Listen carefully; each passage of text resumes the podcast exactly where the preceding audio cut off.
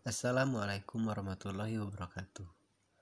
Halo semua, perkenalkan saya Gitio Kuniansyah, mahasiswa program studi ilmu ekonomi dan keuangan Islam, Fakultas Pendidikan Ekonomi dan Bisnis, Universitas Pendidikan Indonesia.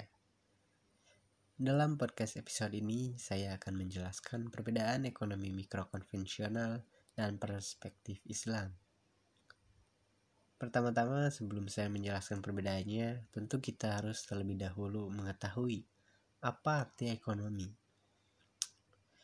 Jadi, ekonomi adalah ilmu yang mempelajari perilaku manusia dalam mengelola sumber daya yang terbatas dan menyalurkannya ke dalam berbagai individu atau kelompok yang ada dalam suatu masyarakat. Sederhananya, ekonomi sebagai cabang ilmu yang fokus mempelajari cara atau prosedur seseorang untuk memenuhi kebutuhannya.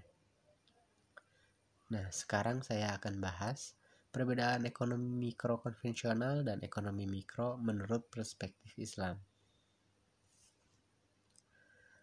Pertama, adalah perbedaan dari pengertiannya. Ekonomi mikro merupakan ilmu ekonomi yang mempelajari perilaku konsumen dan perusahaan.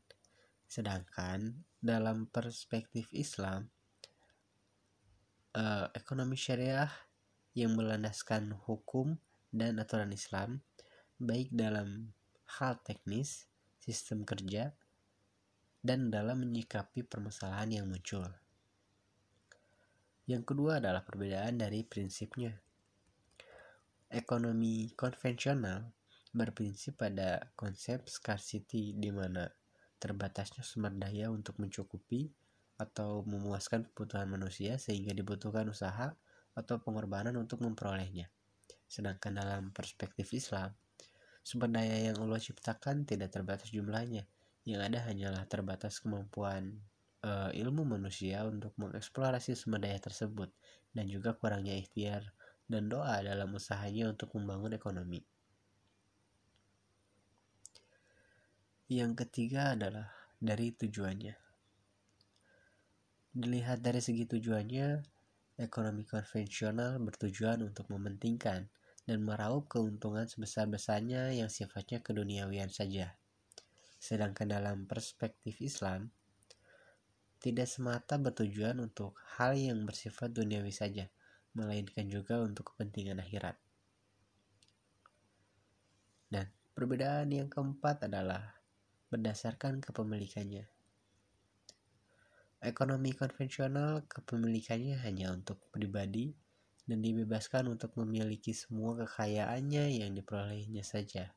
Sedangkan dalam perspektif Islam, kepemilikan kekayaan yang dimiliki individu adalah milik Allah. Manusia hanya dititipi saja, dan itu juga bersifat sementara. Nah, itu uh, beberapa perbedaan mengenai ekonomi mikro konvensional dan ekonomi mikro menurut perspektif Islam. Cukup sekian podcast kali ini. Jika ada kata-kata yang salah, mohon untuk dimaafkan. Terima kasih sudah mau mendengarkan. Wassalamualaikum warahmatullahi wabarakatuh.